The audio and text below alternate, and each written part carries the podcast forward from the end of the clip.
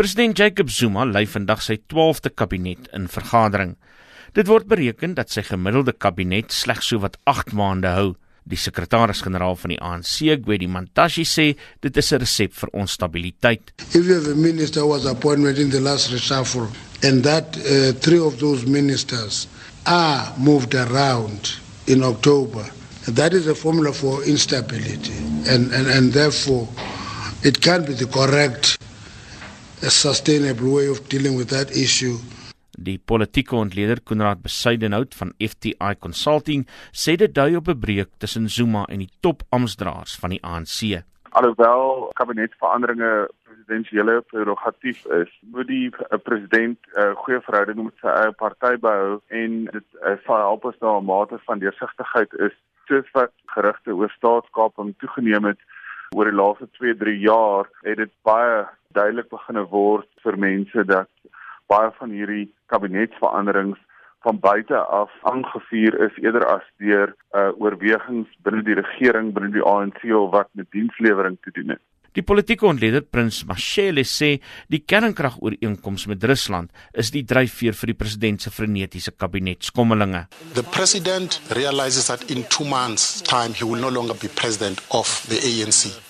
And if Cyril Ramaphosa wins, possibly he will no longer be president of South Africa. He is under immense pressure from Russia to sign off on the nuclear deal because he has made promises allegedly to give it to Russia. It is rumored that Minister Kubai refused to sign, given the fact that the court said everything that was done with regard to the nuclear deal was illegal. Dit is vet op die vuur van bespiegelinge oor staatskaping.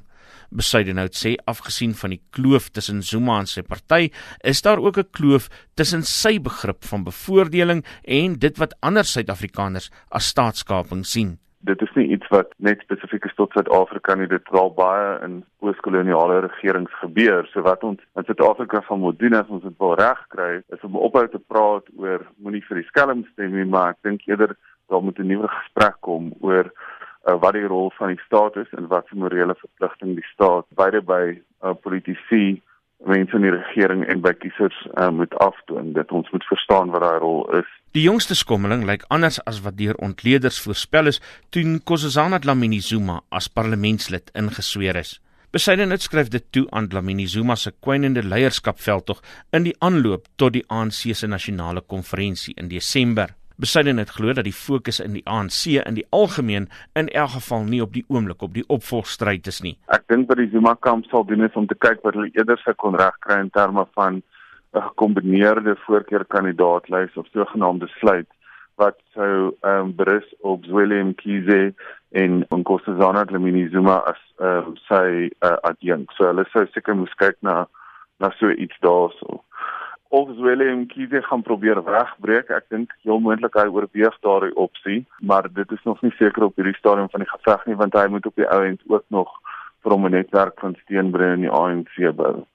En dit is heel moontlik dat sy steun meer uit die steennetwerke waarop Zuma staat gemaak het sou kom as wat hy 'n tipe van 'n herverwerkte um, steun 'n uh, uh, basis gaan kan skep soos wat um, Ramaphosa probeer doen het sedert die begin van sy val. Intussen begin Zuma se steun in provinsies wat hom gewoonlik steun ook verweer.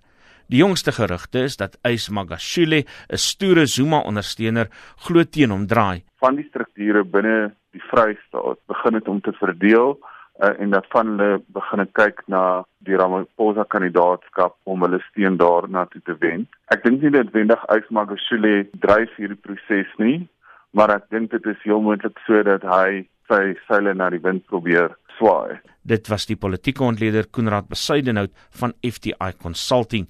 Ek is Isak Du Plessis vir SAIK nuus.